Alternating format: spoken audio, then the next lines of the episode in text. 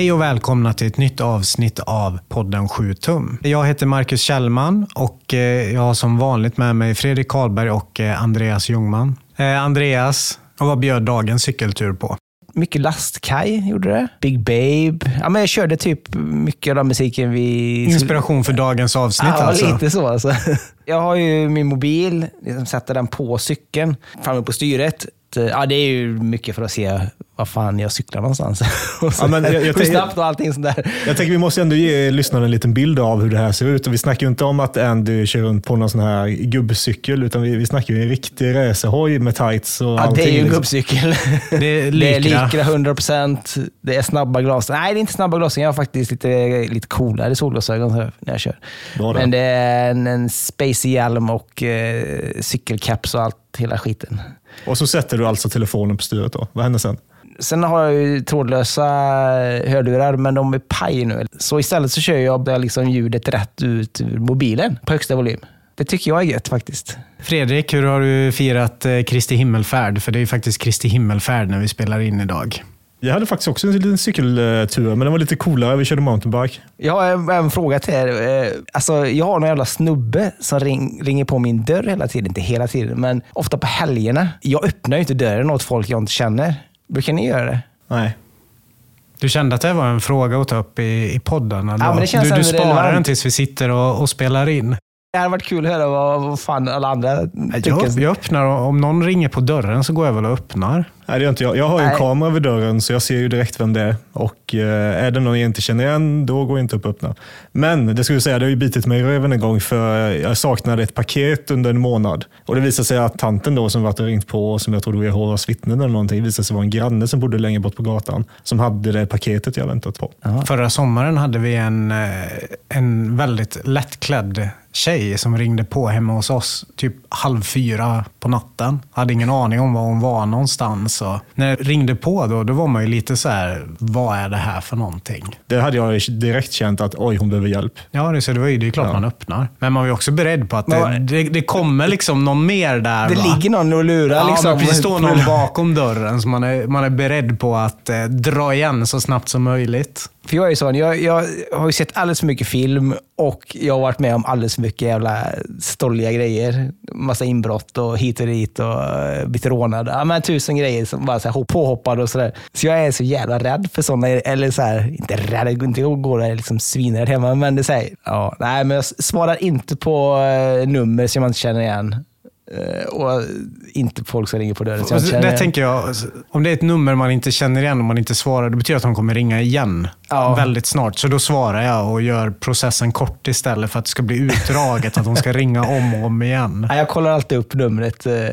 Ja, det här är ju en eh, hardcore-podd, inte hur man hanterar Social konstiga fobi. situationer. Och förra avsnittet så hade vi en intervju med Chao. Sen dess så har vi fått lite feedback på det avsnittet. Framför framförallt eh, diskussioner på olika forum om vad power violence egentligen är för någonting. Och eh, tydligaste svaret har vi väl fått av eh, Thomas Renström, Tompa Rens, som ju är allvetande när det gäller punk och hardcore tror jag. Ja, men det, det vill jag ändå ge honom. Alldeles för mycket skivor har han och alldeles för mycket koll på allting. Ja, är det, är det någon som skulle kunna titulera sig expert på punk och hardcore så skulle jag nog säga att det är han. Och vad var hans svar? 1989 så var första gången som eh, termen power violence användes. Så där var vi ju inte helt fel, men inte rätt heller va? Jag tänker ändå att den termen kanske användes 89, men den spreds kanske först ett par år senare. Så är, så är det ju säkert, men så tänker jag att det är med väldigt mycket. Mm. Eh, sen kan det ju samtidigt vara tvärtom ibland. Va? Som, det fanns ju band som spelade hardcore innan termen hardcore fanns och började spridas. Men det kanske var samma med Power Violence om man vill se till exempel Siege som ett Power Violence-band. Ja. Vill man uh, ha uh, svaret i sin helhet kan man gå in och läsa hans svar i vår uh, Facebookgrupp. Eh, apropå Chao då, i intervjun med Chao så nämnde ju Emily att hon spelar i ett annat band i Karlstad som heter Rashes. De har släppt en demo nu. På Bandcamp? På Bandcamp, ja. Kan man gå in och lyssna på den. Mer eh, rak hardcore-punk liksom. Ja. Jämfört med Chao. In och lyssna. Sedan sist, det har varit lite spelningar. Andy, du och jag vi var och kollade på Lastkaj 14. Just det, på Valand. Det är Aveny. lite av ett gränsfall att vi ens ska ta upp det i podden, men jag tycker i och med det senaste släppet så är det väl ändå mer passande. Vi pratar väl inte om all musik vi upplever, utan vi försöker begränsa oss till hardcore. Men senaste Lastkaj-skivan, vi kommer nämna den lite mer sen, det är ju hardcore alltså. I, I mångt och mycket i alla fall. Och de har även sagt det själv också. Ja, lite annorlunda gig jämfört med de vi brukar snacka om. Ja, Det var mycket folk. Ja, det var ju slutsålt var det väl? Ja, det kanske det var. Till och med. Eller ja, i det närmaste i alla fall. Jag köpte Ja. ju samma dag eller dagen innan biljett. Så. Men då stod det att det var väldigt få biljetter kvar, så att, eh, Ja. det var nog... Ja. Men, men det var ju också lite besvikelse. va? För även om det var bra så spelade de ju inte några låtar från eh, nya skivan. Det var knappt några låtar från nya skivan eller Becksvart heller direkt. Nu har jag inte lyssnat på mycket det nya, men innan det nya släpptes så är ju egentligen Becksvart det enda jag tycker är bra. Det beror ju på vad man gillar. Så gillar man trallpunk och skatepunk så finns det ju mycket att hämta längre bak i deras skivkatalog också. Ja, men verkligen. Men jag håller med, Becksvart var ju ett, eh, ett ganska stort steg i en, i en annan riktning som jag tror gjorde att eh, deras musik tilltalade väldigt många fler. Men sagt, inte en enda av de här nya hardcore-aktiga låtarna egentligen. Men kan det varit att det var fel publik att spela hardcore för? För jag är lite fördomsfull här, men det känns kanske som att det var lite så här folk på stan-folk och inte en riktig Ja, det punk-hardcore-spelning. känns, Alltså. kändes som mer vanligt folk sådär. Ja. Och, och liksom Fast folk, det är ju, det, det är ju så trallpubliken är. Alltså, de har ju sin, sin publikbas i trallpunken. Det har inte varit så här mycket punkare någonsin. Så här. Jag tänker typ så här, Dia Salma. Strebers var väl lite mer, det var ju mer punk. Så här. Men sen Dia Salma blev ju mer trall. Liksom. Folkpunk skulle jag säga. Ja, Eller folkpunk typ. Och Ja, Strebers var ju också, det är ju hardcore, Ja. en, en hel del av Strebers musik. Men det var väl säkert en typisk eh, Lastkaj-publik, tänker jag. Någonstans så slås man ju lite av hur jäkla mycket större sån här musik är jämfört med det som vi lyssnar på. Om man tänker det- så här, varför, varför kan inte de komma också på? Det har man ju alltid tänkt så här, vad, vad är alla de här människorna?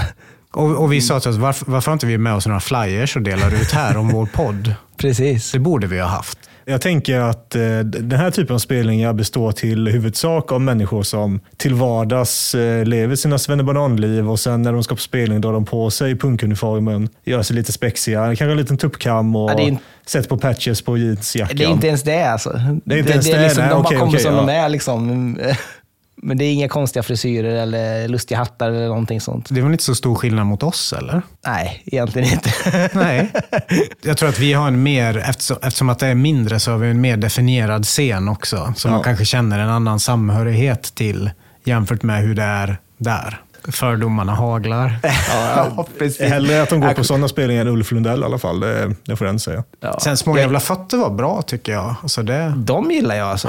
De spelar ju även med Slöa knivar tror Ja, jag. det gjorde de. Förra. Ja. Sen om de spelade samma dag vet jag inte, för det var ju en tvådagars grej. Aha, okej. Men- en till rolig grej där med, med just de här giggen är ju att när det är på en bar och det är ölförsäljning, det, alltså det slår ju aldrig fel. Varenda gång så är det typ, jag menar, ofta kompisgäng som går dit. Och så är det alltid en person i det där kompisgänget som får gå och köpa ölen åt de andra. Så det är alltid någon som kommer och balanserar med typ fyra öl i en hand som man greppar som hela så här, greppklo i en sån jävla automat som ska lyfta upp eh, mjukisdjur. Typ, så här. Och så ska jag liksom gå igenom från baren, igenom hela jävla vägen och så längst framme vid scenen, där typ kompisgänget står. Det var någon som, som tittade på mig så sa han, vill du att jag går någon annanstans eller?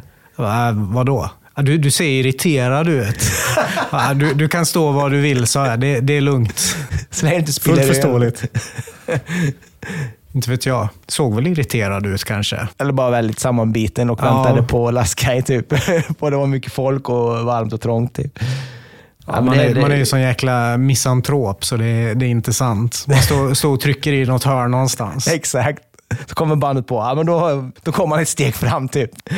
Ja. Det var ju så här, jag var ju på, var det, dagen efter tror jag var på W.A.S.P. och fotade. Och det var ju än mer öldrickande såklart. Men W.A.S.P. inte det extremt trött 2023? Och Det var ju Singback. Han sjöng ju inte själv. Eller han sjöng väl lite själv, men det största delen, det lät för bra också. Ja. Men han var ju så jävla trött.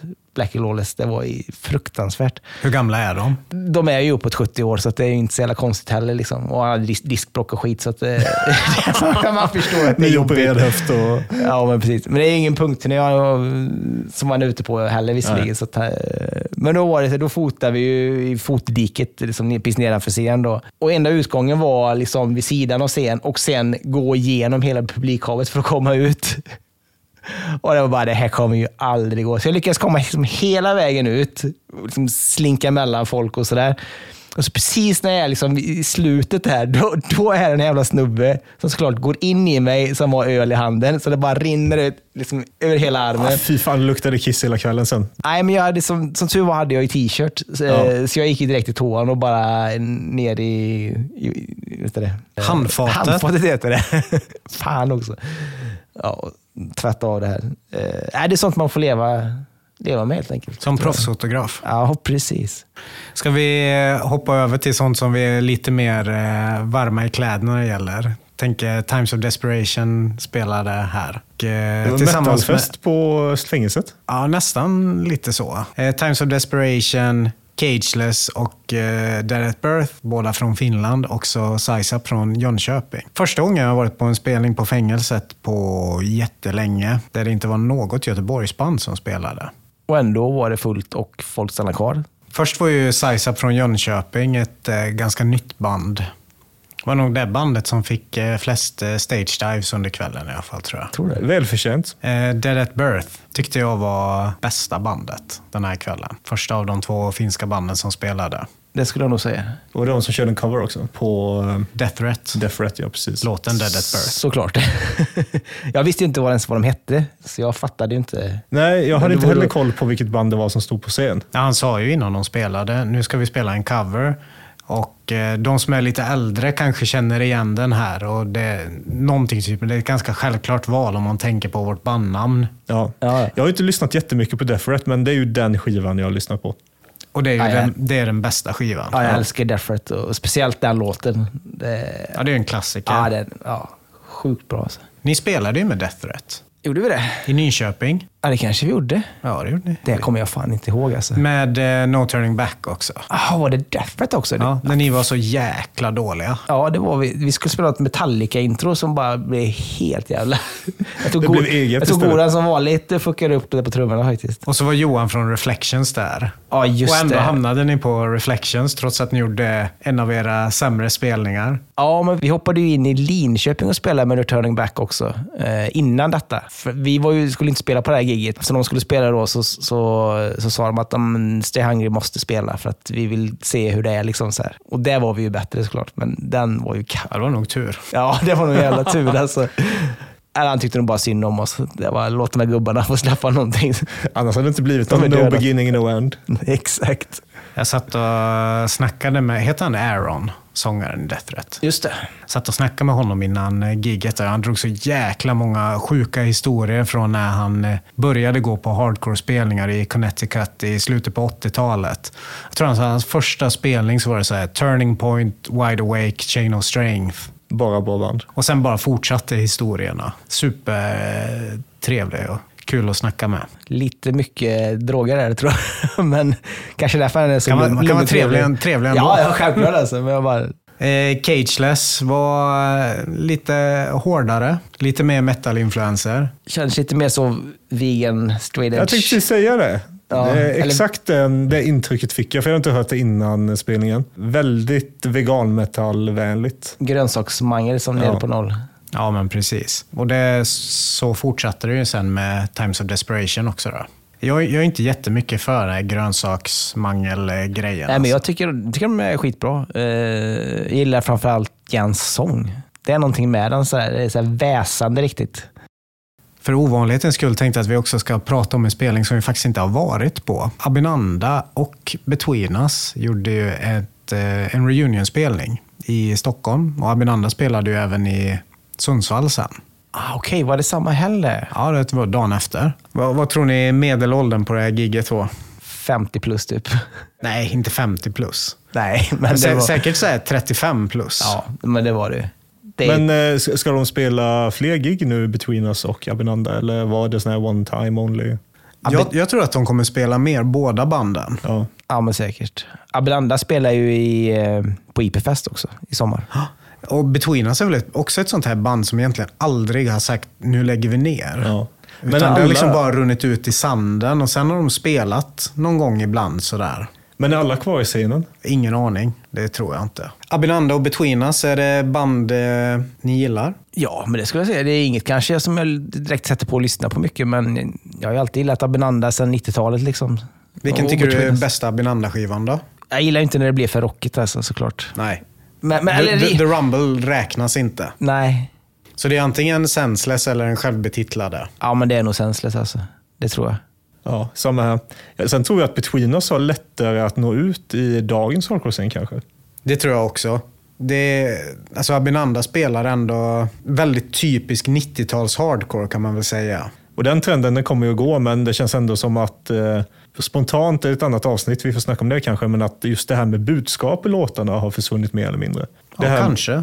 Jag fäste inte lika stor vikt vid det som jag gjorde Förr, när jag var yngre Nej. heller. Så. Då så identifierade man sig med ett band på ett annat sätt än vad man gör idag. Sen var man yngre också. Ja. Det tror jag också spelar roll faktiskt. Men Between Us är, tycker jag är ett av de bästa svenska banden. Jag gillar Mm. allting som, som de gjorde. De gjorde ju tre skivor som är ganska olika men ändå i, inom samma subgenre i, i hardcore.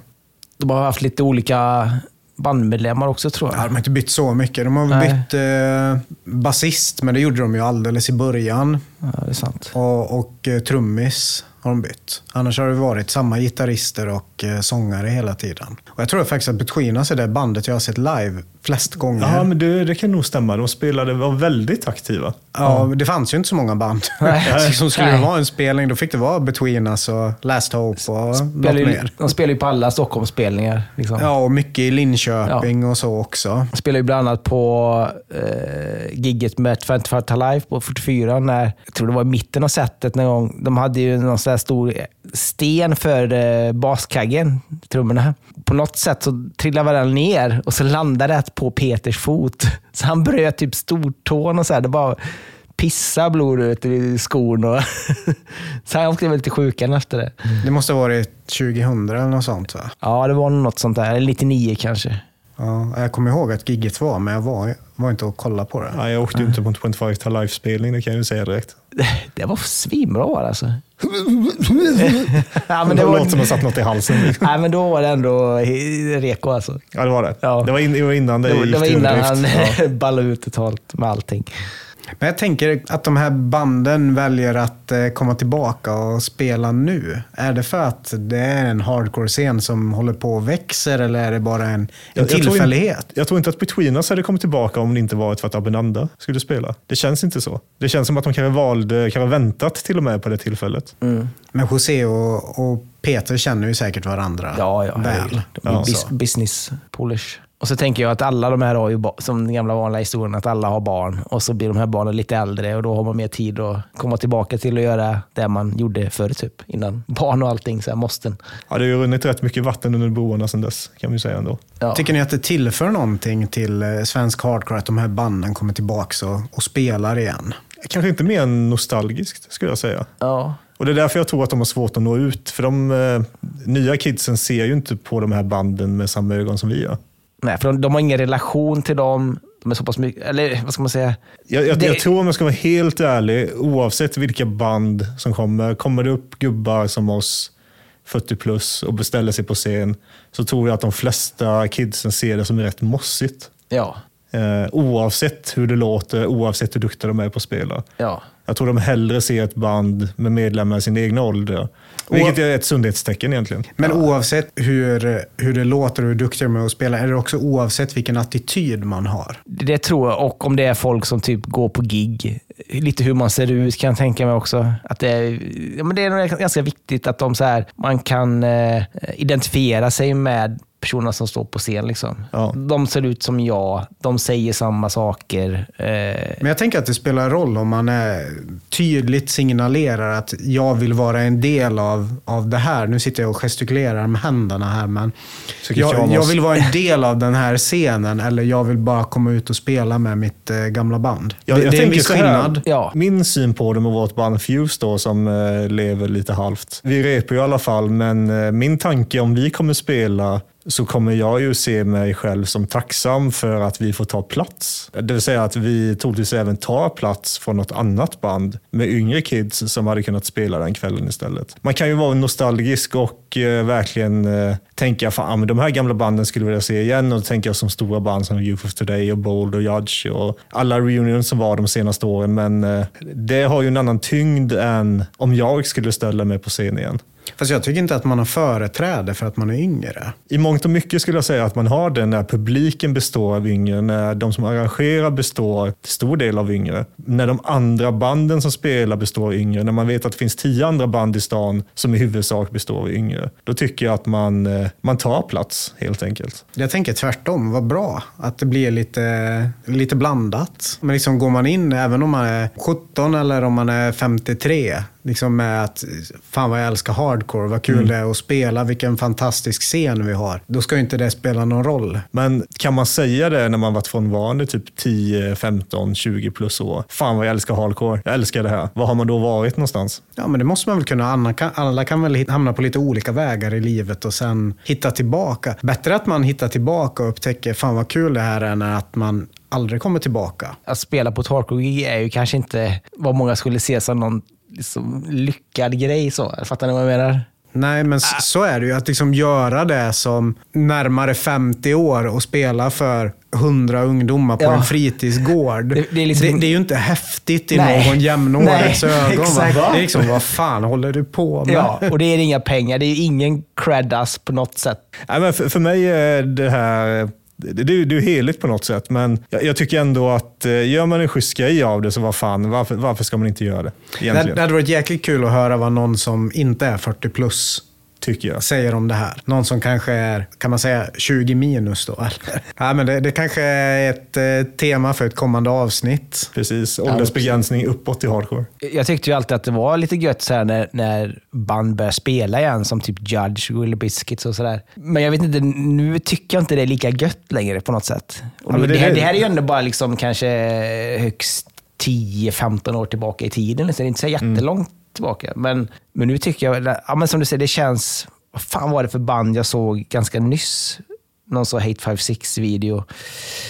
Vad fan heter det här bandet från New York? eh, Hiphop-aktigt. De är ju typ, Five minutes later. De är ju typ, sångaren är typ långt stripigt hår och mössa och Outburst. outburst. ja, det kändes så fruktansvärt jäkla trött och mossigt alltså. Så jag bara, nej det här... Jag älskar ju låtarna men Outburst har gjort en av tidernas bästa hardcore-låt. Alltså The Hard Way.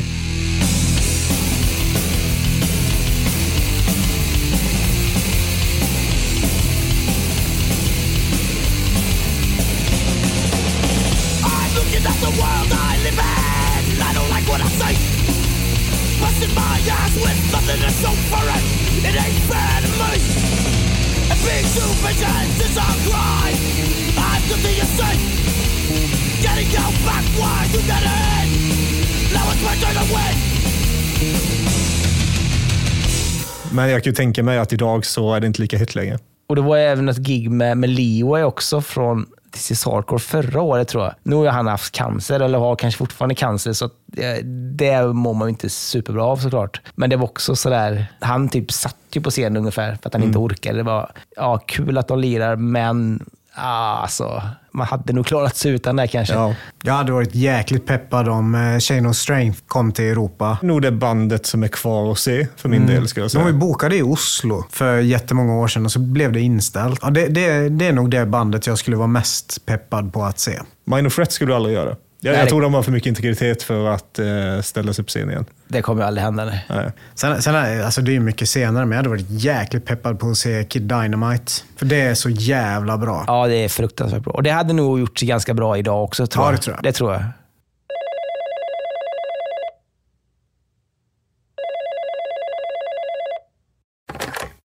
Då har vi José Saxlund från Abinanda med oss i podden. God dag, god dag. Goddagens. Hur står det till? Jo, förutom att jag just somnade mitt på dagen i soffan och sen eh, var tvungen att ta en kalldusch för att vakna. Det vill säga att åldern börjar göra sig påmind, så, så är det bra. Det är ju jäkligt gött att sova mitt på dagen, men man är ju helt förstörd när man vaknar. Hela kroppen är ju som Nej, har jag, jag, låst förstod sig. inte, jag förstod inte ens vart jag var. Jag visste inte ens vilken dag det var. Men, det, det tycker jag med, att det värsta är ju huvudet egentligen. Man är ju helt jävla borta. Ja. Och Ja, lederna är Tre första hoptorkade. sekunder innan man kommer tillbaka till liv liksom, och fattar så är, är ganska stressiga ibland. Och du jobbar väl ganska, vad ska man säga, på lite obekväma tider och sådär och lite nästan när som helst, eller? Ja, det är lite när som helst, det, det skulle jag vilja säga. Även om, idag är ju en röd dag på pappret också, men den var inte så röd på jobbfronten. Men det, det är vad det är. Vi har valt detta, eller detta har valt oss. Jag vet inte. Så det, det är bara att hacka i sig. Men vi ska snacka Abinanda-giget som var i Stockholm och även i Ja. Sundsvall. Hur var det i Stockholm? Vi har sett lite film och sådär. Vi var ju inte där själva tyvärr. Ja, ni missade faktiskt något, för det var helt otroligt bra. Jag, betydligt bättre än vad jag nästan hade förväntat mig. Eh, jag skulle nästan säga att det var roligare än 44 för typ 13 år sedan. Eh, det var väldigt mycket folk, mycket folk, mycket ansikten man kände igen även om man inte hann prata med allt och alla. Men det var... Jag vet inte, nu har inte jag hört det utåt själv. Jag skulle vilja säga att det kanske var mer kul än bra. Men samtidigt, vi gör ju det här för att det ska vara kul också. Vi snackade lite om det innan. Gör ni det för er själva eller för publiken? Eh, Svårt att säga. Alltså, Eller så här, både och. bara, ja, eller publiken. Det, jag skulle nog vilja säga att vi gör det. Vi gör det absolut inte för pengarna om man säger så. För Nej, det är ju tydligt och klart. såklart. det, eh, men eh, det, jag, jag vet inte. Alltså, jag har svårt att, att tycka att jag gör det för min egen skull. För jag tycker oftast bara det är ganska jobbigt egentligen. Alltså jag tycker allt runt omkring är jobbigt. Det ska ju repas och det ska säljas biljetter och det ska göras ditt och det ska göras datten. Så allt det där är ju... Det är ju inte det roligaste jag vet. Men sen när man väl går upp på scen så var det ju kul. Ehm, och om man visste att det var så här kul varenda gång, då skulle jag ju fortsätta det och göra det i all evighet. Men det finns ju aldrig några garantier för att det ska vara så. Det kändes som att alla hade en kul kväll. Och det är väl ändå det någonstans det handlar om i slutändan. Ehm, om vi inte har roliga kvällar här i livet, vad fan ska vi leva det för? Lite, lite så, lite drastiskt kanske, men, men, men, eh, men det är väl lite så jag tänker. Det ska vara avslappnat, det ska vara, vi ska ha kul och, och, och det hade vi. Ehm, Får man fråga, vad, vilka låtar spelar ni? exakt samma sätt som i Örebro. För att vi hann inte repa däremellan. Jag var och såg er i Örebro. Det var, det var ju lite så här, ursäkta, men det var lite, det var lite småsegt. Eh, Ja. Men var det skillnad på att spela på en egen spelning, eller vad man ska säga, jämfört med på en så Ja, men det var- det var punkfestival? Det, kanske inte så många var där för att se er. Det var, det var en helt annan energi eh, i Stockholm, det måste jag säga. Det var ju mycket, mycket roligare. Det var ju det var en mindre scen, det var inga kravallstaket, det var, det var lite mer 44-aktigt liksom. Och det, det, det gjorde mycket. Eh, så det, på så sätt var det ju otroligt mycket roligare i, i Stockholm. Eh, vi är ju mer gjorda för den typen av gig tror jag. Liksom. Det, det ska vara mer intimt och det ska vara eh, ja, det ska vara ös rakt igenom. Och, det, det, och så var det nu i Stockholm. Och vi såg ju även Erik Niva up front en hel del. Ja, det, det... Där var han. han var, det var mycket, mycket, mycket välbekanta ansikten där ett tag. Erik var där, Johan i Nine såg jag i pitten också. Det var, ja, det var, det, det var mycket, mycket roligt. Det var lite som en, som en återförening. Fast bara med de roliga i klassen. Ja, nej, vad fan. ja, men de tråkiga var säkert där, men de stod ju bort, de stod ju bort i baren. Dave- Exit var där och Ja, just det. Han körde en låt också väl? han körde en låt, absolut. Han eh, gästsjunger ju på skiva också. Så. Ja, just Ja, det. All of us. det, det var det han gjorde nu live också. Sen gjorde ni ett gig i, i Sundsvall också. Ja, det gjorde vi. Och där har ni spelat eh, ett antal gånger förut, tänker jag. För det, det var väl Det- på. Pipeline, eller? Ja, det var på Pipeline och jag älskar ju Pipeline och jag älskar ju liksom det de gör där uppe och att de verkligen håller en musikscen eh, vid liv på det sättet. Men som gig kanske det inte var... Det var inte i närheten lika mycket folk och det var inte, alltså, det var, det var inte samma energi på det sättet. Men, och missförstå mig rätt, jag vill inte vara dum med någon. Vi har ju spelat i Sundsvall en massa gånger, det har aldrig varit riktigt kul i Sundsvall. Eh, men eh, som sagt, jag älskar ju själva konceptet kring Pipeline och, och liksom eh, hur folk jobbar med, med att ge en massa band en chans att, att kunna spela och, och, och den grejen. Men som gig går ju inte riktigt att jämföra med det i Stockholm. Känns som att alla kanske har flyttat från de här städerna, Sundsvall och liksom Umeå och hit, Mm. Ja, ner till men Stockholm. nästan- Ja, förmodligen. Men sen, alltså grejen men Sundsvall har ju aldrig varit bra för oss heller. För det var ju alltid med, alltså, och det här kommer jag behöva äta upp, men jag står för det. Sundsvall var ju alltid liksom ett gig på vägen. När vi bodde där uppe, det var ju första stoppet, eller sista stoppet, bara för att det var... Det fanns ju inget annat däremellan mellan Umeå och Stockholm, eller om vi skulle till Europa. Så man gjorde alltid Sundsvall på vägen för att... Var det just musiken som inte, eller liksom den sortens hardcore ni spelade som inte passade in? Eller var det Ja, överlag men- inte? Mm, Jag tror aldrig liksom just hardcore-publiken. Det, det har väl aldrig funnits någon, någon eh, jättestor hardcore-scen i Sundsvall på det sättet, tycker jag. Sundsvall har väl Eller- alltid varit mer av en punkstad, är det inte så? Ja, definitivt. Det, de känns mycket, det känns mycket mer som en punkstad. Eh, det, så hardcore-scenen var ju aldrig, hade inget större fäste där. Så jag tror att det, det är mer liksom, det är mer för Lastkaj 14 än för oss på något sätt. Eh, och det är inget fel med det. Hur kommer det sig att ni inte spelar i Umeå nu då? Alltså det, det, är kom, det är komplicerat att spela överhuvudtaget. Som sagt, vi fick inte ens ihop ett rep, eller ett rep fick vi ihop dagen innan. Det, nu var det det som fanns tillgängligt den här svängen vi skulle göra. Eh, vi hittade inget bra i Umeå. Så det, det, bara gav sig naturligt att det blev Sundsvall. För att de, hade en, ja, de hade en ledig lördag när det här bokades. Och eh, det passade i, i allas scheman.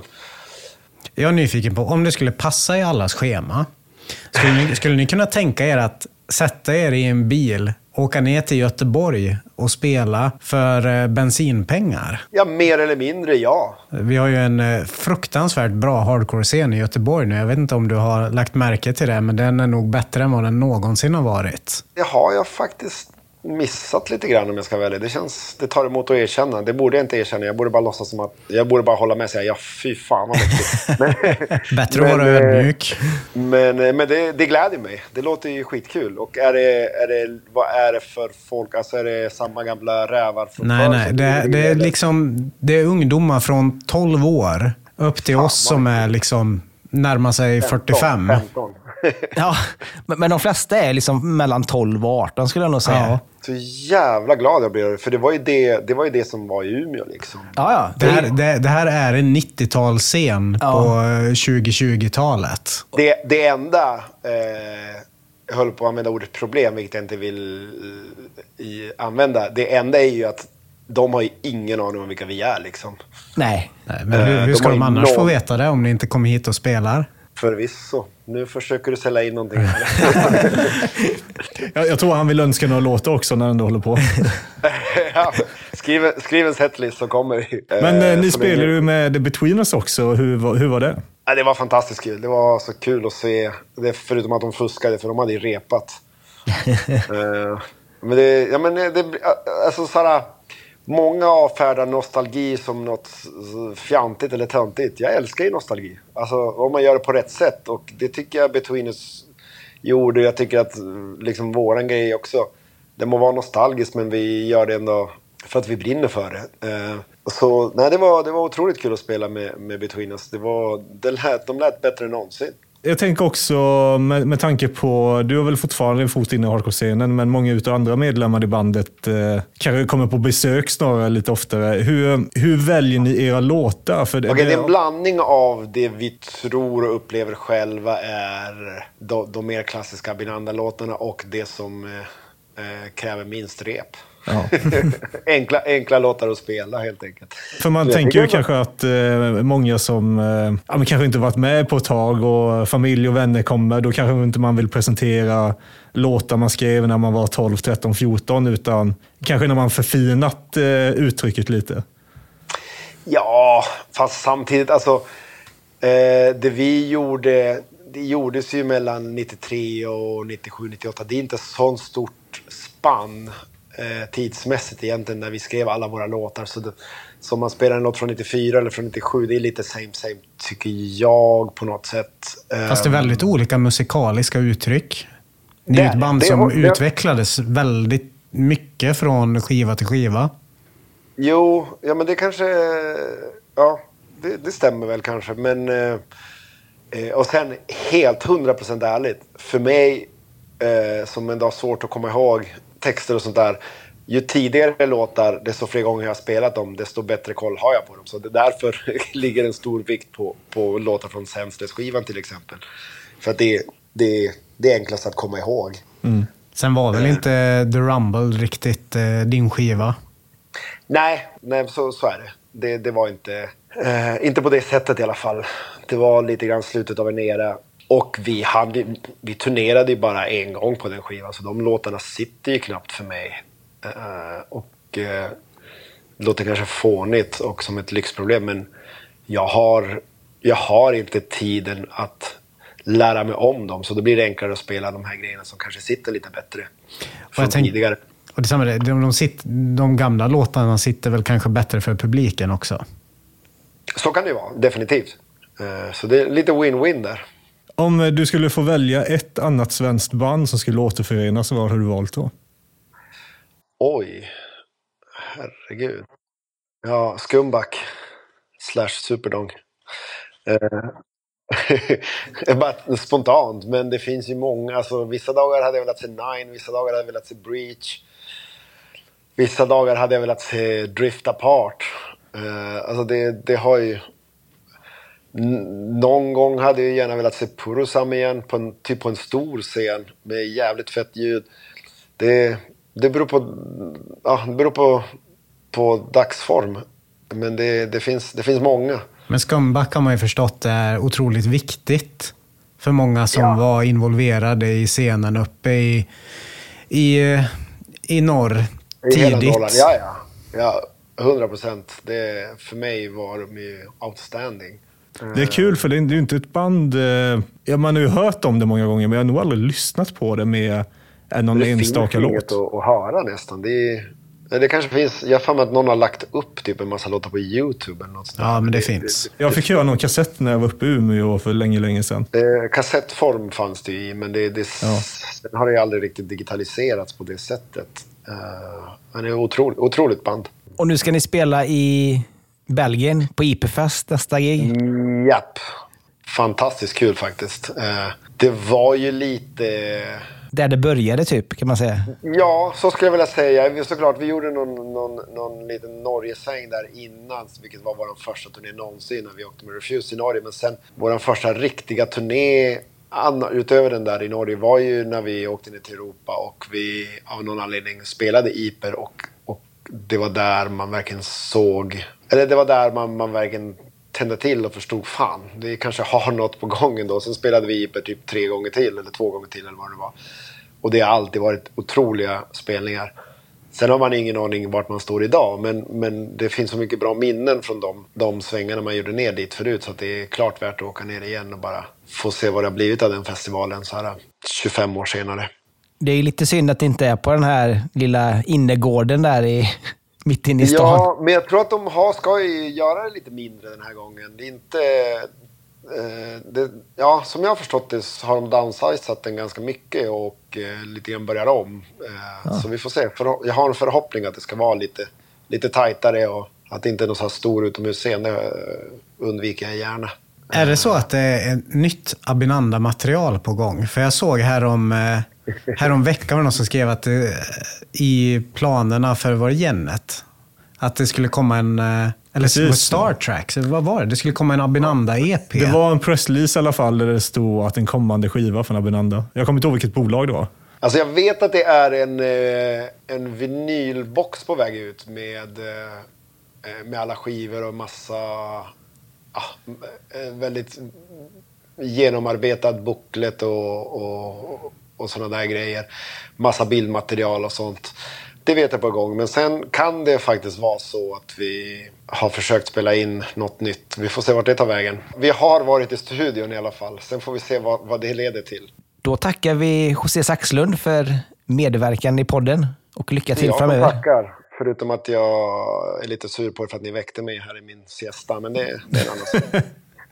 Gubbvilan. Ja. Exakt, gubbvilan. Du hade inte somnat i natt. Det är det som är barn. Man får inte sova för mycket på dagen för då somnar man inte på natten sen. Nej, nej. Nu kommer jag ligga vaken till tre och sitta Ja, och kolla precis. på YouTube-clips på Gorilla Biscuits gig från 87. Men det, det är så vi funkar. Spelningar på gång i tidsordning då. Eh, Speed i Göteborg tillsammans med Outstand och Sidestep. Vi har nämnt spelningen förut, men eh, vill man komma in på spelningen så är det dags att köpa biljett nu för det börjar ta slut och det kommer ta slut. Jag tror det var tio biljetter kvar bara. Då kanske de är slut när det här släpps. Det men kan vara. eh, Tough luck. Ni kan ju inte säga att ni inte blir varnade. Eller hålla ögonen öppna, för det finns alltid folk som säljer av någon anledning. Tvättider och sånt där. Nu kommer inte det här avsnittet vara ute i tid till att eh, Life Crusher spelar, men eh, nu börjar det alltså komma turnerande band till eh, Göteborg för första gången på, eller utländska turnerande band från Europa och USA för första gången på väldigt länge. Det är ganska roligt. Ja, vi får se hur de spelningarna blir.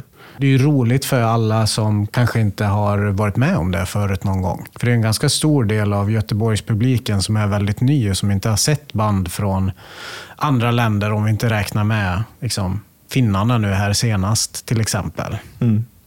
Och förr var det ju så att alla spelningar, då var det typ utländska band. Ja, det var helt omvänt, kan man ja, säga. ja, men ja, inte att det var bara utländska band, men att det var alltid ett, minst ett utländskt band var det på alla gig. Även när vi hade typ så här nio svenska band så var det alltid... Ja, det baserades ju på att det kom ett band från utlandet på turné och spelade. Oftast USA. Andy, Fragile Mountain. Ja, men precis. Det här måste man ju göra reklam för. Jag var där förra året och jag tyckte att det var riktigt jävla nice. Alltså. Det är här bra upplägg, jättebra uppstyrt med liksom käk och som för alla åldrar kan gå dit. Eh, lite minus att det är utomhus. Ja, då var det ju bra väder, men det, om det spöregnar så är det inte så kul att vara högst uppe på ett lerigt berg. Liksom. Men jag tänker alltid att spelningar utomhus känns så jävla glesa på något sätt. Det känns som att det är lite folk även om det är jättemycket folk. Ja, för det här var ju verkligen, den största scenen där, det var ju så, ja men det var ju ett fält ungefär. Ja. Alltså det var ju, ja, det hade ju behövt flera tusentals människor för att det skulle se. Men, men det funkar liksom. Jag tyckte det var skitbra alltså.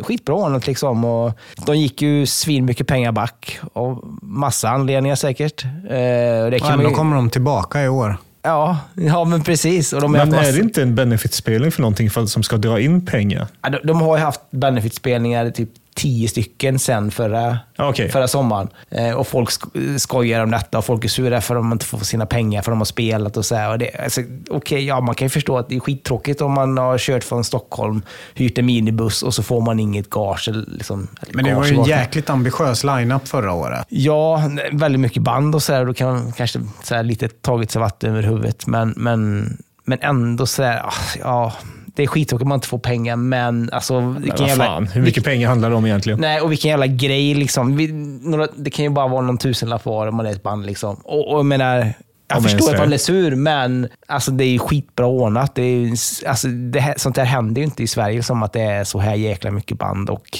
liksom bara punkband, liksom hardcoreband. Några band du ser fram emot eh, extra mycket i år.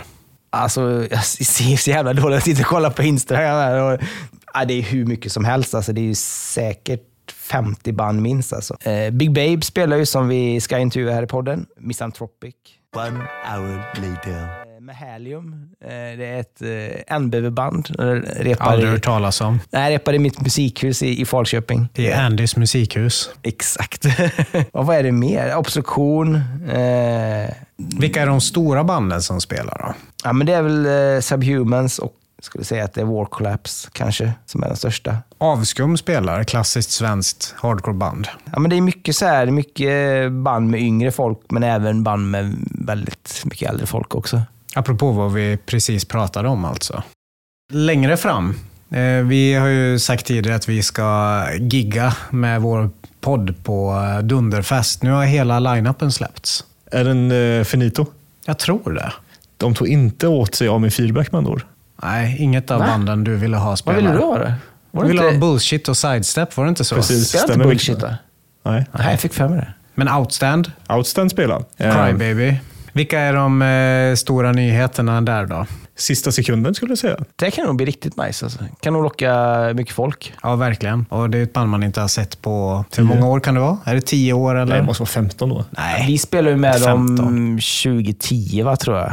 Ja. Närmare 15 än 10. Sen vet jag inte när de slutade sen, men Det blir roligt att se om... Eh, Om takten sitter i. ja, och om eh, kidsen idag gillar dem. Och då blir det ju eh, definitivt i den stora lokalen. Då blir det inte som du vill ha i den lilla, den lilla scenen. Jag kommer sitta i den lilla lokalen och tjura tror jag. kommer kedja fast det här och vägra lämna. 29-30 september, eh, köp biljetter och kom och eh, titta på oss på scen. Bland annat. Bland annat, men framförallt på oss. Ny musik. Eh, Det har kommit ganska mycket ny musik eh, senaste tiden. Eh, Bland annat så har vi redan nämnt Laskaj 14 som precis har släppt en ny skiva. Tyvärr inte på vinyl, utan på CD och kassett. Jag gillar inte det alltså. Det känns som CDn kommer tillbaka. Ja, det är inte bra. Mark hade rätt. Fan. CD-skivor är ju så tråkiga. Extremt tråkiga.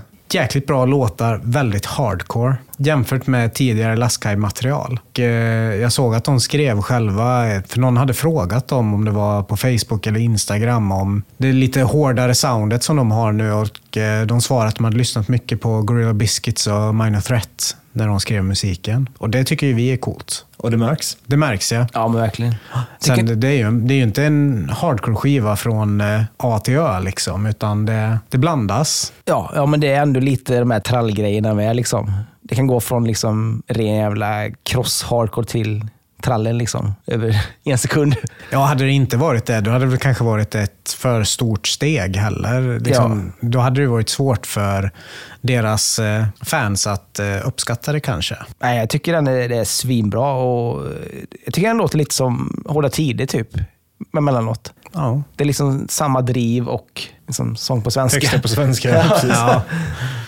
Night Fever, tillbaka. Det var överraskande. Jag hade ingen aning om att de var på gång igen. Nej, inte jag heller. Det slog ner lite som en bomb där hemma. För det är ju Night Fever någonting jag och frugan lyssnar på väldigt mycket hemma i köket. Eh, så den har nu gått på repeat. Ja, jag tycker Night Fever var ju ett eh, svinbra band. Både, både på skiva och live. Ja, Men jag, jag, jag måste ändå säga att jag tycker ju inte, det är ju inte lika vass skiva som någon utav låtarna som är på Vendetta. Det är inte riktigt uppe i samma nivå. Det har inte den här lilla udden som många utav de låtarna har. Den här spottloskan, de här solorna. Det, det känns som att man tog de mindre bra låtarna, det är fortfarande svinbra, men i de låtarna som inte är alltså, huvudnumren på skivan och släppte nu. Ja, vi får se vad som kommer mer sen. Jag tänker att det är kul med ett, eh, ett eh, danskt band. Som är bra. Ja, precis. Som är bra. Bäst att tillägga det. Danmark är ju inte landet som har liksom den rikaste hardcore-historien om man jämför med framförallt Sverige och Finland, men även Norge. Även om eh, vissa gärna skulle vilja påstå det, tror jag. Ja, Då, då har de ju fel. Ja. ja, men jag tänker, det är många som eh, hyllar Andy Petersen och eh, vad har vi mer för någonting? Ja, sen var det inte så mycket. Hjärtestopp. Jättestopp. Ja. Gorilla Angre. Ja. Men det, det, Men det, finns ju 20 band. Det är ju det är liksom ganska lite tre. om du jämfört med, om du jämför med liksom finsk 80-tals hardcore. Men vad har du i Danmark på 80-talet? War of Destruction och liksom något mer sånt där klassiskt band. Mm. Men det, det är ju inte i närheten av den historia som finns i Sverige och, och Finland och Norge. Jag håller med. Så jävla så märkligt alltså. Gäller det inte lite dansk musik överhuvudtaget? Vad fan var inte Abbatins från... Abba Teens är väl från Sverige? Det hade varit Och vill du lyfta fram det som ett bra band? Eller? Jag bara försöker på danska band. ett sån, en miljonstad och mycket kultur, men de super för mycket. Så Men det, det gäller ju till exempel i metal också. Det finns ju jättemycket från eh, Norge, Sverige och Finland, men inte så mycket från Danmark. va? D.A.D. Precis, det, det är väl det. Det känns som nu är vi jäkligt långt ifrån hardcore här. Nej, vi, vi släpper den. Ja, jag tror, Ja, jag tror det. ja. Kändes som vi redan hade tappat det. Eh, mer ny musik. Andy, du har lite grann att ta upp här.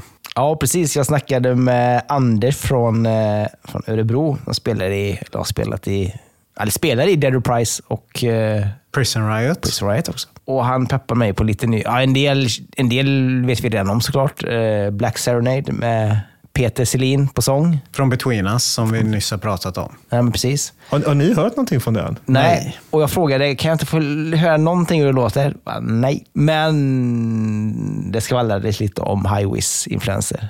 Intressant. Nej. På, på den här sidan bordet, eh, vi gillar ju High Wiz. Ja. Men är det någonting som Marcus eh, vägrar att ta Fatt- till sig? Fattar, jag tycker det är så jäkla dåligt. Så du ska inte med på Way Out West och se dem? Jag är helt vegansk nu. Så att, eh, Uff, vant. Ja. och gratis eh, käk får man också. Pannkakor fick man. Kolla med ögonen. Ja, jag är med. Jag är med. Och sen har han även ett band med eh, Nätterdal, Don Nätterdal, eh, som heter Suffer Together. Och det här fick vi lyssna på, eller vi och vi, men man kan lyssna på det i senaste avsnittet av Nere på noll. Han beskriver det som ignorant gruff med clean song.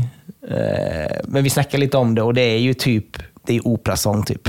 Lite Age som, of Apocalypse eller? ja men typ. Ja, det tycker jag är fett. Det skulle bli kul att höra. Ja, väldigt speciellt. Ja, det kan ju uppskattas.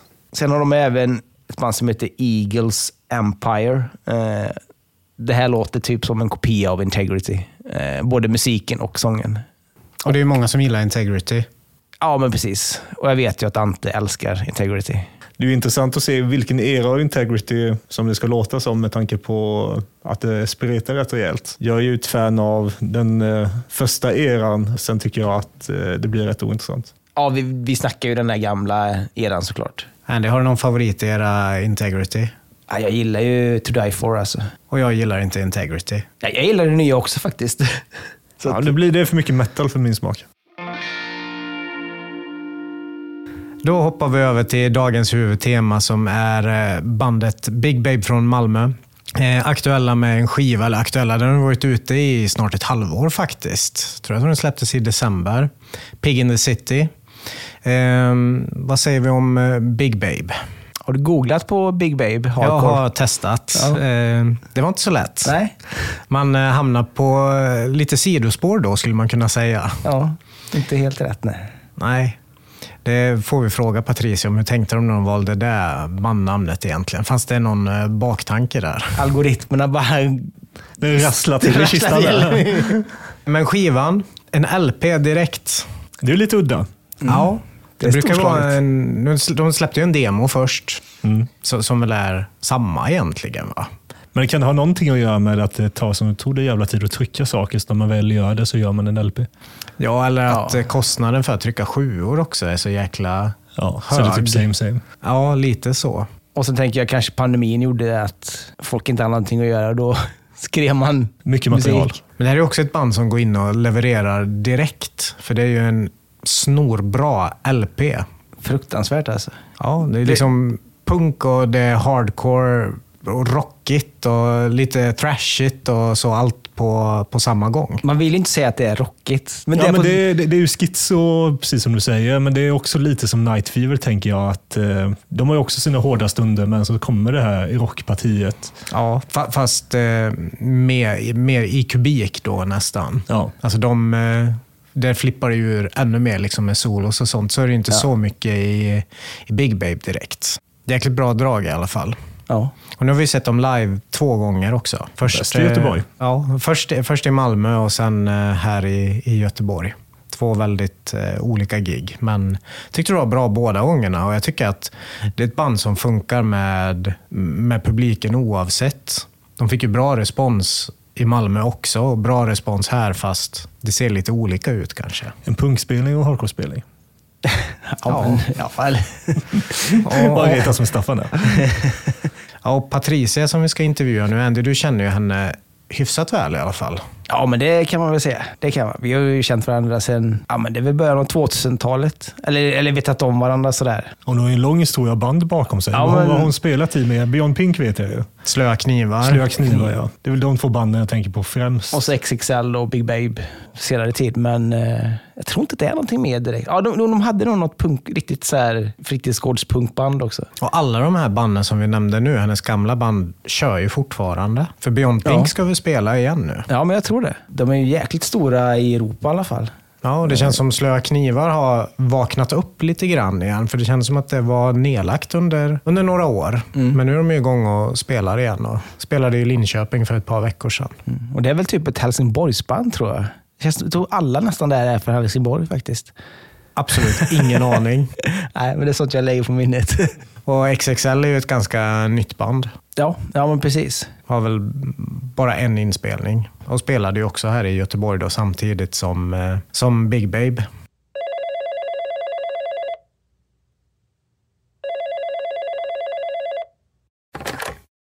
Då välkomnar vi Patricia från eh, bandet Big Babe till eh, 7 tum. Välkommen! Hej, tack. Jag har fler band, men tack. Ja, precis. Vi kanske kommer in på det sen.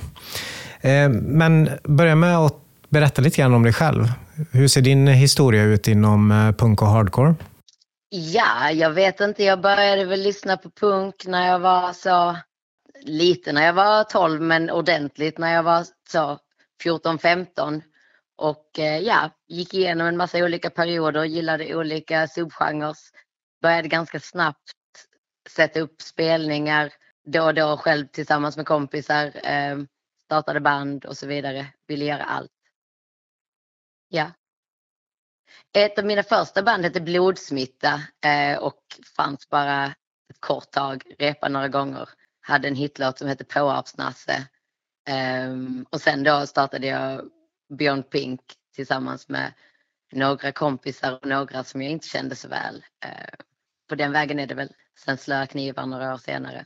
Liten fråga det gäller Beyond Pink. Hur länge spelade ni där? För det är ju ändå ett band som har en lång historia, tänker jag. Ja, och det finns typ fortfarande, på pappret finns det fortfarande. Vi ska spela i september på eh, eh, Roberts eh, så Refuse Records 30-årskalas i Berlin. Så att, eh, officiellt så finns vi fortfarande men vi har inte varit så aktiva sedan 2015. Vi har väl gjort typ en handfull spelningar här och där. Men eh, vi startade 2002, det är 21 år sedan.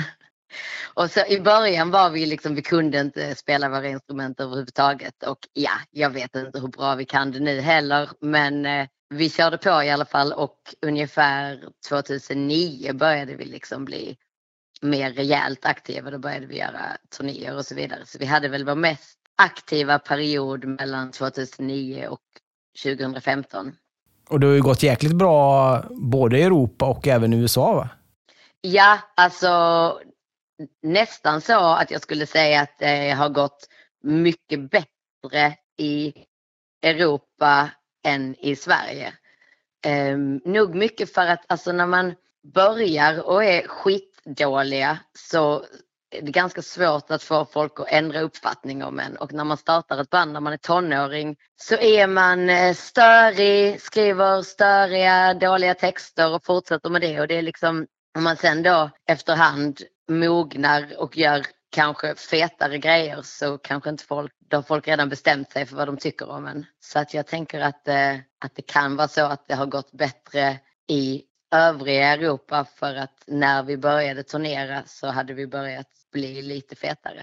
Så, Det kanske är ja. br- bra läge att komma tillbaks nu då? Ja, kanske om vi kommer tillbaks. Det är mycket barn i det bandet, men det är också så att de där mammorna jättegärna vill spela så att eh, Men hänger Ja. de andra fortfarande på hardcore-spelningar? För det, man, man ser ju dig springa runt för jämnan tycker jag, men eh, de andra i bandet, var länge sedan man såg. Ja och nej. Alltså Klara hoppade ju av bandet liksom innan vi slutade vara aktiva. Så hon är ju försvunnen liksom. Ehm, och flyttat till Stockholm och så vidare. Ehm, men Vilket var det ja, största sveket där? Att hon hoppade av bandet eller flyttade till Stockholm? Ja, det, det är en svår fråga. eh, nej men eh, hon var väl inte sugen längre. Vi var väl inte, vi drog väl inte helt jämnt på alla plan längre. Eh, och hade inte gjort på ett tag. Så att det var väl eh, inte så konstigt kanske. Eh, men jo, de andra går fortfarande på spelningar också, men eh, olika ofta. Ida bor ju ute på landet liksom, men hon kommer in till Malmö på spelningar ibland. Tiana och Kajsa bor i Helsingborg, så där är det ju inga spelningar. Så jag tänker att, eller ja, det händer, men kombinationen av att de har barn i ganska ung ålder och bor i en stad där det inte händer så mycket gör ju att de dyker ju upp typ så var tredje spelning liksom. Är det inte någon som har Max. tvillingar också? Jo, Ida har precis Just fått tvillingar. Den är skön att vara första så bara... Ja, exakt. Så det, alltså det är ju, ja, det är många barn i det bandet. Slöa knivar då, det känns som att det har varit eh, lite samma grej där, att det var ett väldigt aktivt band och sen var det lugnt ett tag. Och att exakt, ni nu är ja, tillbaka. det är samma sak.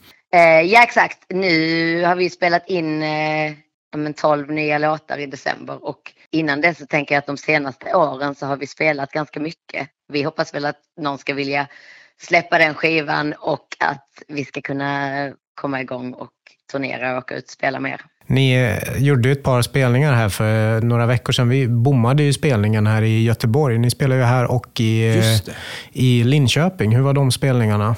Det var faktiskt skitroligt i Göteborg. Jag, eh, först var vi bokade till Fraggelberget grej liksom. Och sen så blev det ändrat för att de skulle ha det på 128 istället.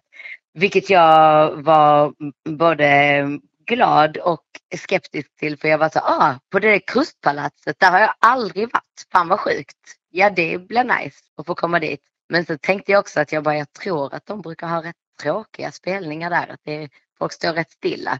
Men det gjorde folk inte alls. Det var riktigt mycket dans. Så att eh, det var nice. Hör och häpna. Ja, det var eh, fantastiskt.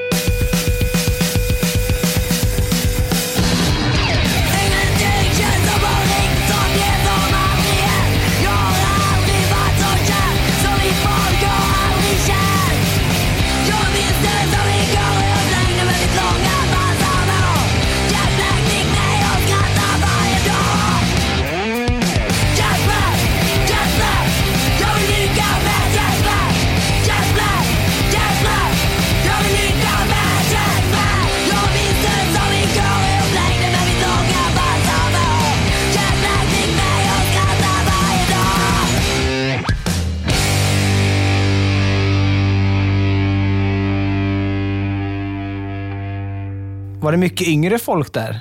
Lite grann, inte så mycket som på fängelset. Alltså på fängelset så har de ju liksom 150 ungdomar i kö för varje grej känns det som. Eh, och så mycket yngre var det inte där men det var ju också en mycket mindre lokal.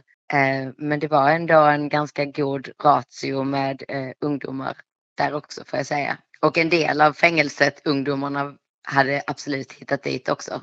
Det är verkligen en nice. jättebra lokal också. Ja, alltså det låg ju så gull... Alltså man, det var ju som ett vykort utanför den lilla hamnen. Det kändes som, som på skoj. Som att man bara, men är det här en kuliss ni har dratt upp eller? Det känns som Saltkråkan typ. Exakt, bara, vad fan är detta? Liksom? Men var ligger detta någonstans? På Ringön. Jag tänker, innan Ja, vi går ja, in var- på, på Big Babe så kan du väl kanske säga någonting om XXL också som är ett eh, ganska nytt band. Ja, ja men jag har eh, började precis eh, slutet på förra våren och spela bas med ett då band vi startade som heter XXL eh, med Love Tybeck på sång och Robin på gitarr och Linus på trummor. Och de ville ha någon som spelar bas och jag kände att jag kanske ska börja spela bas nu när jag är medelålders. Det har jag aldrig provat. Eh, eller jag har liksom spelat gitarr fast jag kan inte spela gitarr innan men bara så, så att när jag har skrivit låtar ibland till Slöa knivar så får jag en sångmelodi i huvudet. Och så utgår jag från det och så försöker jag liksom ta ut riffen på gitarr trots att jag inte kan spela. Och sen kommer jag med något så här jättepissigt kaos till dem och är så jag har skrivit en låt, så här ska den gå men ni ska spela den bättre, förbättra den nu. Så, så jag har liksom kunnat ta ut melodier jag hör på instrument men jag kan ju inte liksom tekniskt spela instrument. Men så då fick jag för mig att jag kanske skulle börja spela bas. Vilket kändes som en skitkul grej att göra. Så kände jag direkt att här, fan, nice. Det här har jag aldrig gjort innan. Och vi spelar väl någon typ av eh, hardcore. Som allting är, allting är någon typ av hardcore. Men det är alltid svårt att beskriva själv exakt vilken subgenre. Ja, och det kanske inte behövs heller. Det räcker, räcker med att säga hardcore.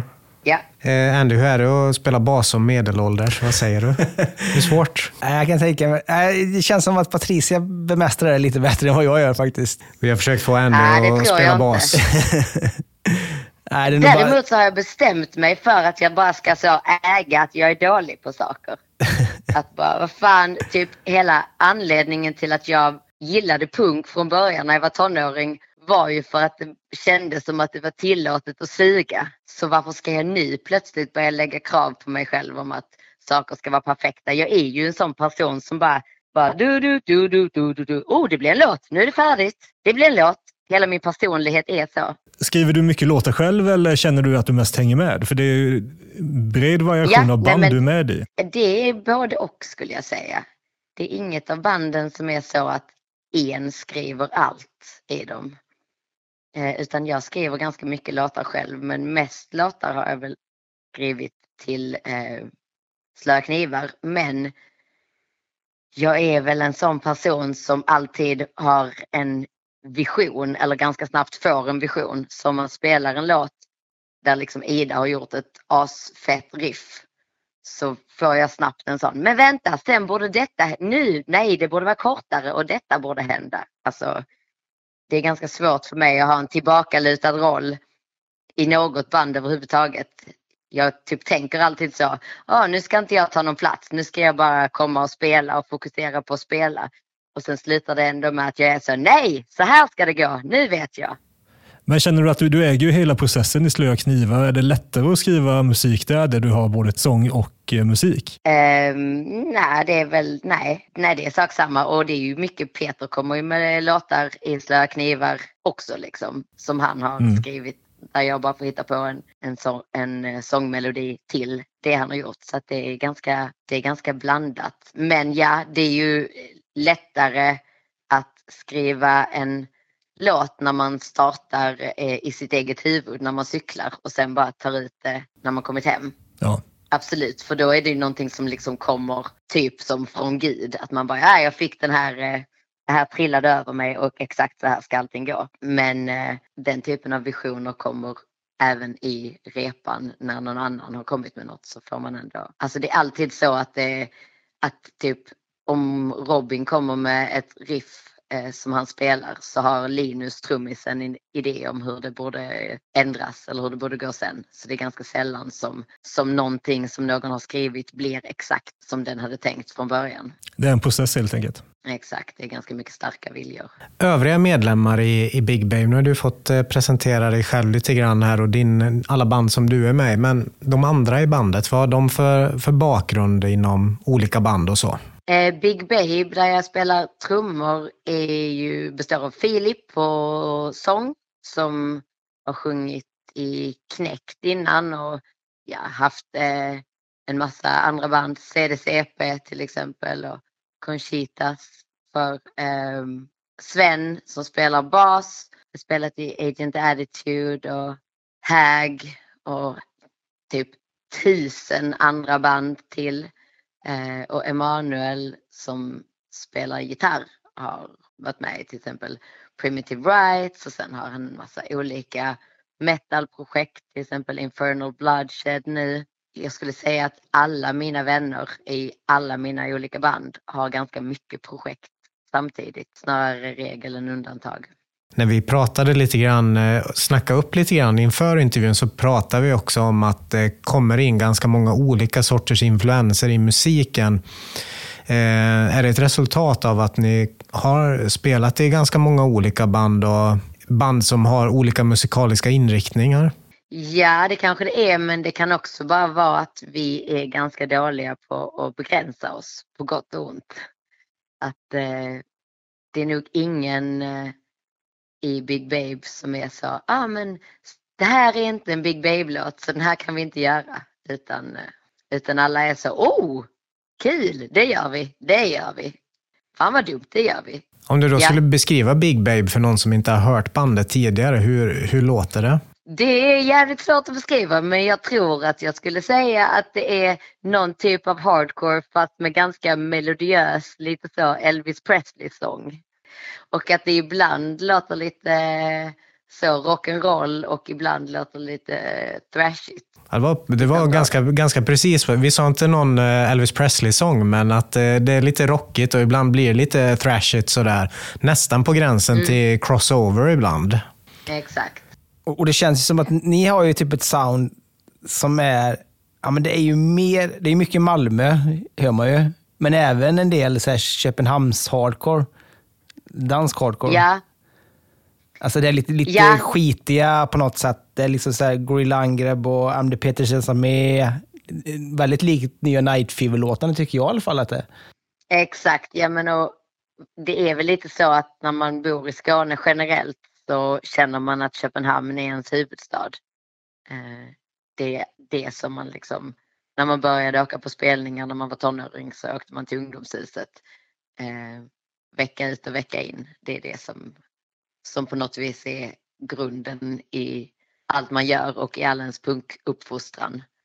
Stockholm har man ju inte tillbringat så mycket tid i. Ett litet sidospår där, men jag har ju alltid hört att det är väldigt många från Malmö som åker till Köpenhamn på spelning, men det är väldigt få från Köpenhamn som åker till Malmö. Stämmer det?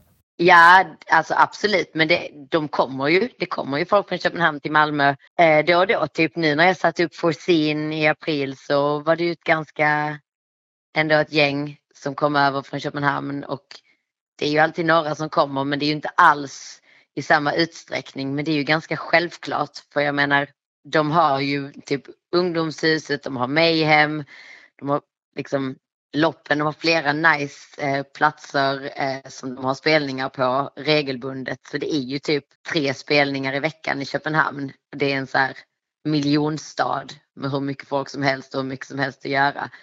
Det känns som att det är inte så konstigt att de inte lika regelbundet tar tåget över till Malmö. Men de gör ju det. Så fort det är något som spelar här som inte spelar där så kommer ju folk. Men inte i drivor utan kanske de tio mest inbitna.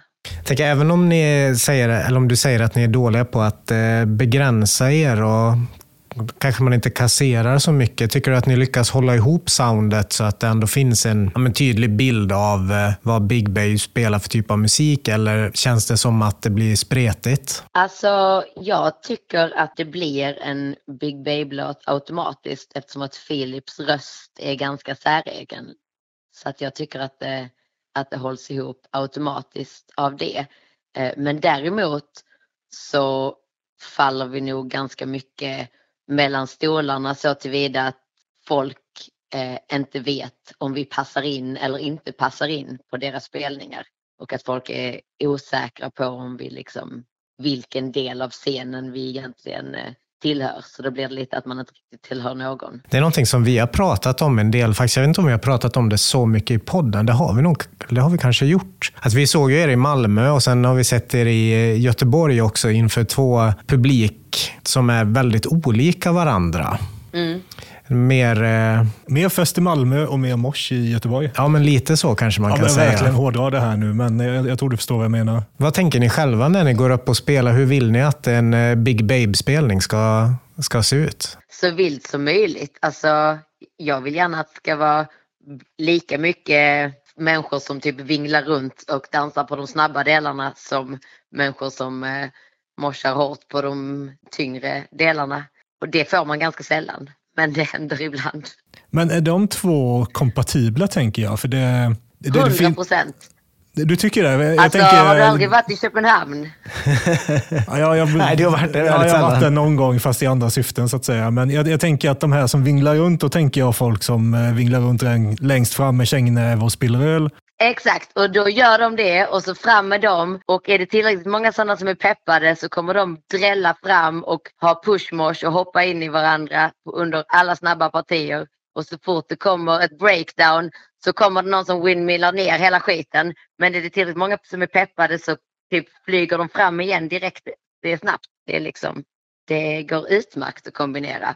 Det blir också mycket roligare än om det är ett rum där det är en gigantisk halvcirkel där alla bara står och väntar på att få two-steppa. Var, varför lyckas vi inte kombinera det här i Sverige? Jag vet inte. Vi är väl stela och tråkiga och typ rädda för att gå på varandras spelningar eller någonting. Något är det. Vi, men det kan ju också bara vara så att vi har inte ungdomshuset. Det kan ju bara vara så att, att de har en tillräckligt fet eh, historisk eh, mångårig venue dit folk av olika sorter kommer liksom och dyker upp. Eh, och i och för sig likadant med eh, typ underverket i viss mån. Eh, och att, att vi inte har den kontinuiteten. Det kan ju vara den gamla vanliga grejen att de ockuperade hus och slogs för att få behålla dem. Och i, det var en del punkkravaller i Sverige liksom på 80-talet och sen så blev de nedslagna och sen så fick de eh, hus från kommunen istället där de var så, "Ja, men här kan ni göra något på den här fritidsgården. Så blev det inte lika roligt och så slutade folk gå till fritidsgårdarna. Jag vet inte, det kan vara det. Jag tänker nu i Malmö är det ju väldigt så, ja men det har ju alltid varit lite mer sådär, ja men öl och kängnäven typ. Men nu är det ju lite mer blandat med mors också just. har någonsin överhuvudtaget blivit eh, konflikt i Malmö är ju eh, när det har funnits tider där det har varit så krustare som tycker att man ska vara snäll mot varandra och det har funnits folk som tycker att man ska slåss eh, och typ eh, slämma in hårt i varandra. Det har ju varit typ hårda tider spelningar sedan typ 2007 liksom. Där det har kommit typ graffare och, och typ det har ju alla uppskattat ändå. Under de åren jag har gått på spelningar så har det alltid varit som så att har det varit lite blandad publik där det har stått någon längst fram med en ölburk och sen någon som spiller ut den, då kan man inte morsa längre. Och de som stod längst fram med ölburken är sura för att folk morsade för hårt innan någon trillade på ölen och slog sig. Liksom. Så, eh, jag, jag delar helt och hållet Andys bild av att det finns, det är ingen yin och yang mellan eh, ölmors och eh, hårdmors. Utan eh, det, Eh. det finns lite ett problem däremellan ibland. Jag tror att det är typiska Göteborgsproblem och Linköpingsproblem.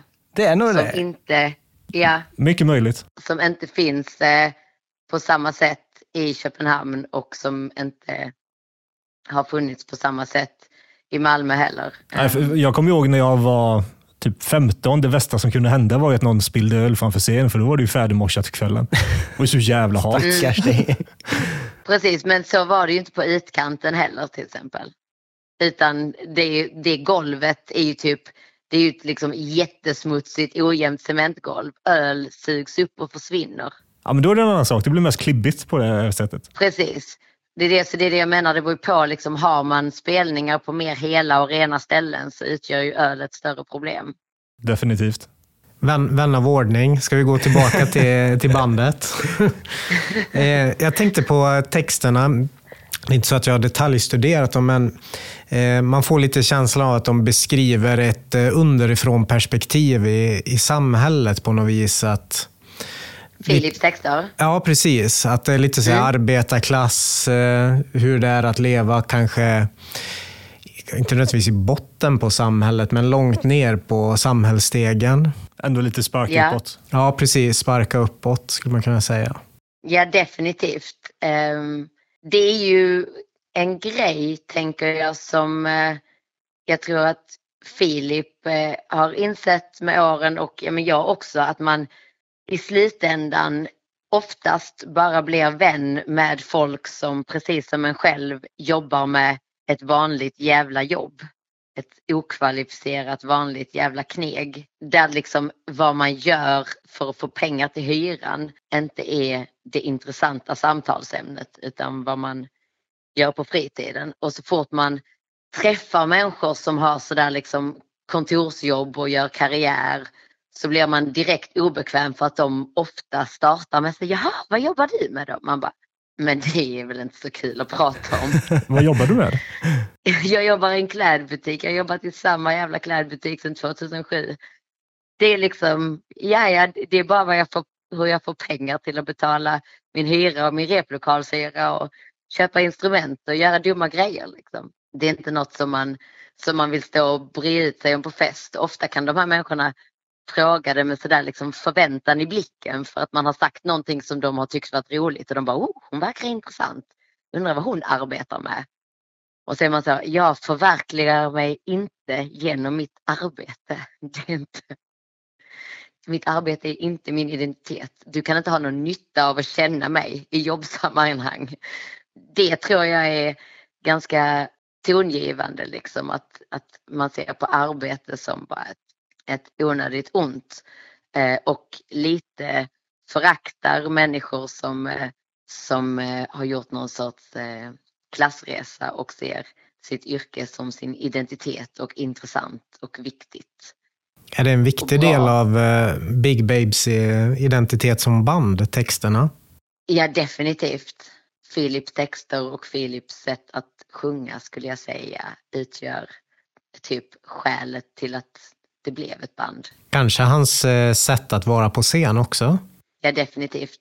Att det kändes som att han behövde få skina igen och få ur sig grejer och att han vansinnigt gärna ville skriva texter igen och skriva texter på engelska till skillnad från i Knäckt där han hade texter på svenska. Han är ju lite som ett extra instrument sådär. Det blir lite show. Ja, men det är både show och så, Ja. och så liksom själva sången är ju väldigt, det är ju melodi i det liksom. Det gör ju att en del av de här låtarna som kanske sticker ut lite grann funkar jäkligt bra. Jag tänker på eh, Catch 22 till exempel, som jag tycker är låten som sticker ut mest på skivan. Precis, den är lite av en sån oj, slager anthem. Ja, li- lite långsammare och så också. Precis, lite av en ballad. Hur kommer det sig att det blev en LP mer eller mindre direkt? Och inte det vanliga steget att göra en demo och sen en sjua efter det. Alltså, vi är väl bara idioter och spelade in alla låtar för vi tyckte att alla låtar var bra och sen så eh, släppte vi en kassett först. Ja, precis. Så att vi gjorde ju en kassett själva som vi sålde under sommaren. Och sen eh, var Marcus eh, på Quarantine peppad och tyckte att det lät jättebra och eh, ville släppa det som en LP. Så att då var vi jätteglada och tacksamma.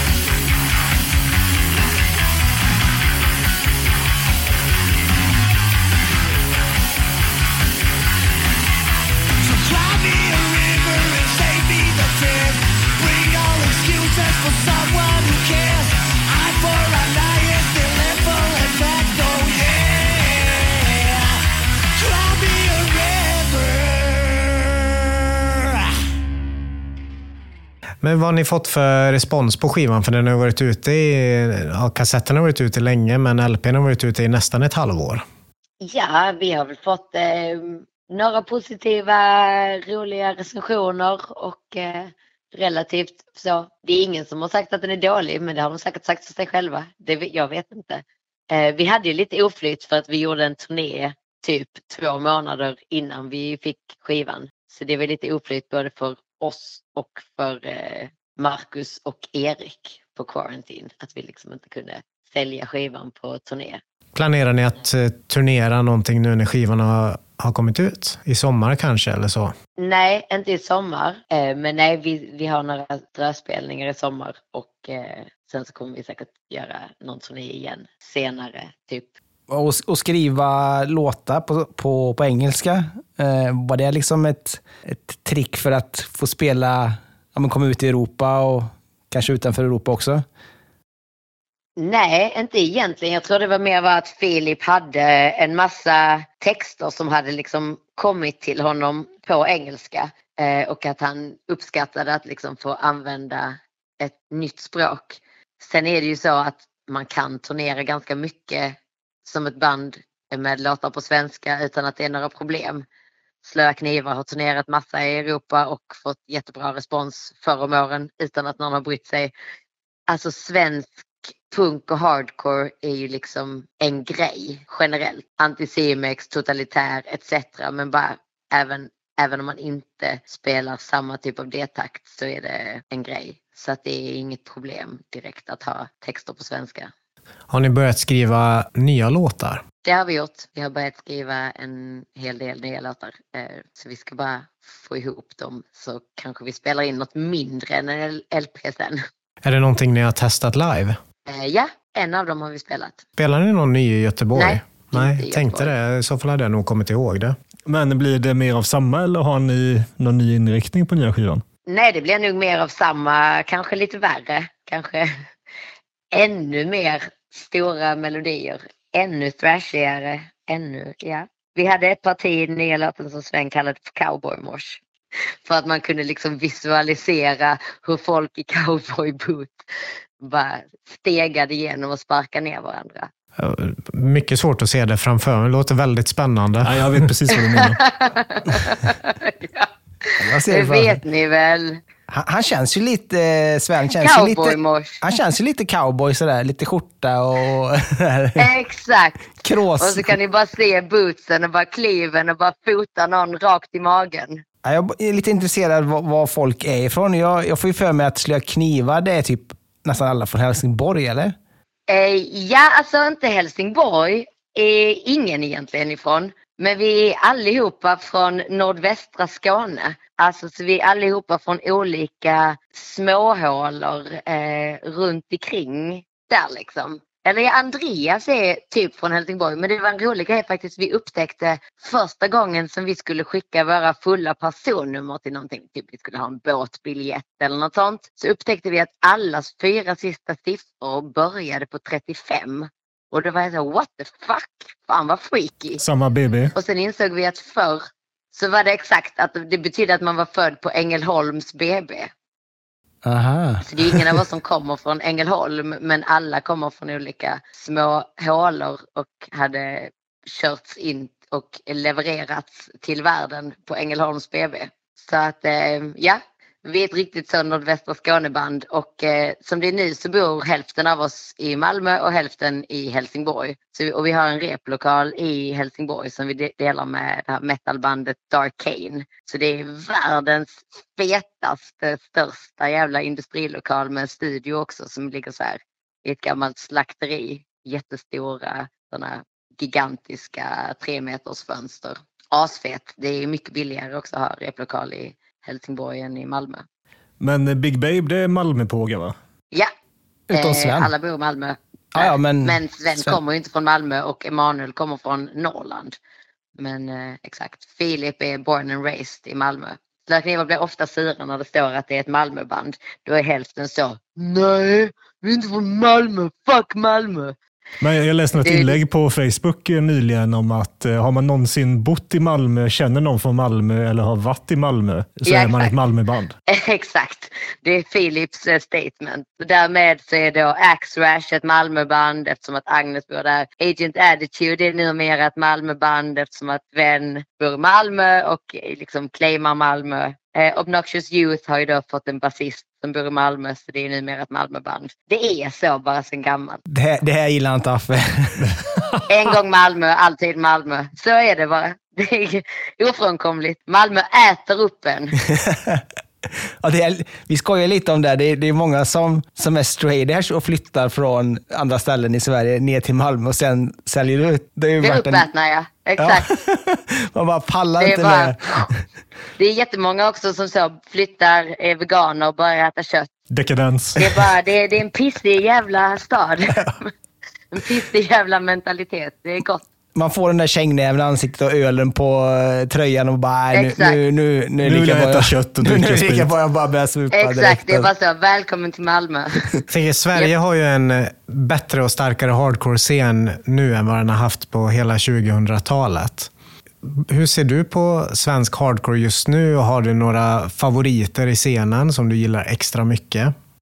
Eh, bullshit. Alltså Gabriel Siveri, denna man, vilket geni alltså. Han skriver så jävla feta texter, så jävla feta låtar, fraserar eh, texterna så jävla snyggt och det hinner hända skitmycket på under en minut är perfekt. Jag är ju nyfiken på, ja, nu var vi inne och svängde lite på det. Du sa ju att eh, Bullshit är favoritbandet, men hur upplever ni skillnaden? För vi, när vi kommer ner till Malmö så är det liksom så här att man bränner ju kläderna när man kommer hem. Eh, Hur upplever ni eh, att komma upp till Göteborg, eller Stockholm eller Linköping, upp till norra Sverige om man kan säga så? Ja men eh, det är skitroligt att komma till alla städer eh, av olika skäl liksom. Men, eh, och nu är det ju skitroligt på fängelset nu när alla tonåringar kommer men det har ju funnits tider då man har känt att det har varit tråkigt att, Gö- att Göteborgs scen till exempel har varit så segregerad. För att man har känt så, gud jag skulle kunna spela i Göteborg fem dagar i rad utan att någon från de olika scenerna visste att eh, igår spelade hon där och idag, alltså så för att folk inte Definitivt. gick på varandras grejer alls. Eh, så det har ju funnits tider då segregeringen har varit ett problem för att man har känt att så jävla stor är inte scenen. Nu när scenen blir större så blir också segregeringen ett mindre problem och när det kommer nytt folk så typ känner inte de till det liksom och går på alla grejer på ett annat sätt kanske. Så att, eh, det är roligt på, på olika sätt. Men man har ju ofta upplevt att, eh, att det är mer uppdelat och mer strikt uppdelat. Eh, men sen finns det alltid undantag, typ Gula villan har alltid känts ganska så likt eh, hur det känns i Malmö och Köpenhamn. Liksom. Eh, verket i Umeå har ofta också känts som hemma när det fanns. Samma med i Luleå har det också känts ganska så som att det är en så pass liten stad så att skinheads, skatare, metalheads, folk som gillar hardcore, folk som gillar råpunk går på samma grejer ändå. För du, du sa tidigare att eh, Big Babe eh, står med en fot i varje scen så att säga. Precis, så det passar ju oss bra om det är en ganska blandad scen. Ja. Om du var tvungen Och, att eh, välja? Nej, det hade jag aldrig gjort. Alltså jag hatar alla delar av scenen lika mycket och älskar dem lika mycket. Alltså jag är verkligen en sån person som bara åh, det är en sån stiff jävla fucking straight edge spelning. Fy fan vad tråkigt. Och sen kan jag samtidigt känna så, åh, de fucking krustarna, de är så jävla PK, fy fan vad jag hatar dem. Åh, pinne i röven. Alltså det finns liksom lika delar idioter inom alla delar av scenen skinheads, riktiga idioter. Älskar dem. Ja, ja ni fattar. Yes. Vi hade en sån grej i Stay Hungry. Vi, vi spelade ju som bäst, eller typ, vi gillade mest att spela på, eller jag, i alla fall jag, och på ställen där det var ja, men, rikt, ja, men riktigt så kruststämning typ. Att folk var svinfulla och bara mm. dreggade runt. Bara för att kunde, ja, men det blev liksom så här, jag vet inte, men nu ska man... Tändvätska. Ja, men lite grann så här. Då kunde du hypa upp dig till att hata dem. Ja, fast inte hata Det heller. så men jag mer ofta så- gjorde i Tyskland också med Slöa knivar innan att jag gick runt och bara så åh, de fucking patetiska idioterna, åh, innan. Ja, man kan göra en rätt bra spelning då. Bra, då tackar vi så mycket för intervjun. Tack så mycket.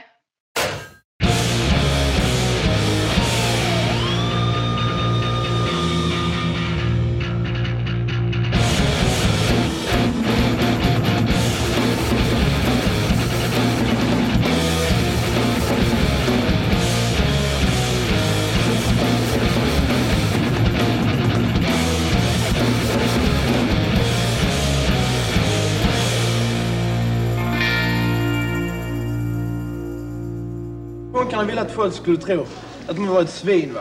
Man var äcklig, man var svinig och man var dum i huvudet och sånt va. Och det är det jag står för va. Det är det som är punk. Jag står inte för anarki utan jag står för punk va. Och det är så jävla många som, får, som har förknippat anarki med punk va. Jag är inte anarkist utan jag är punkare va. Jag står fortfarande för att vara äcklig alltså, som folk tycker va. Jag står fortfarande för att supa, svära, slåss och leva djävulen va. Och åka dit jämt och ständigt va.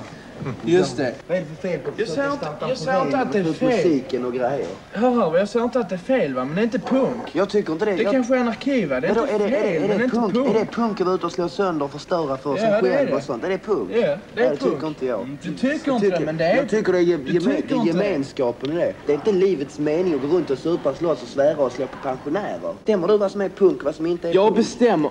Bestämmer Men det är väl inget Bestämmer som du är det? bestämt. Nej, men vad är det då? Gör du inte så så är det inte punk. Nej, just det. Det tycker Just det. Det är ingen som punk? bestäm- jag Vad är punk? Att punk? man är Punk sig är upp till själv. var och en. Jo, punk är upp till var och en. Punk är att vara sig själv.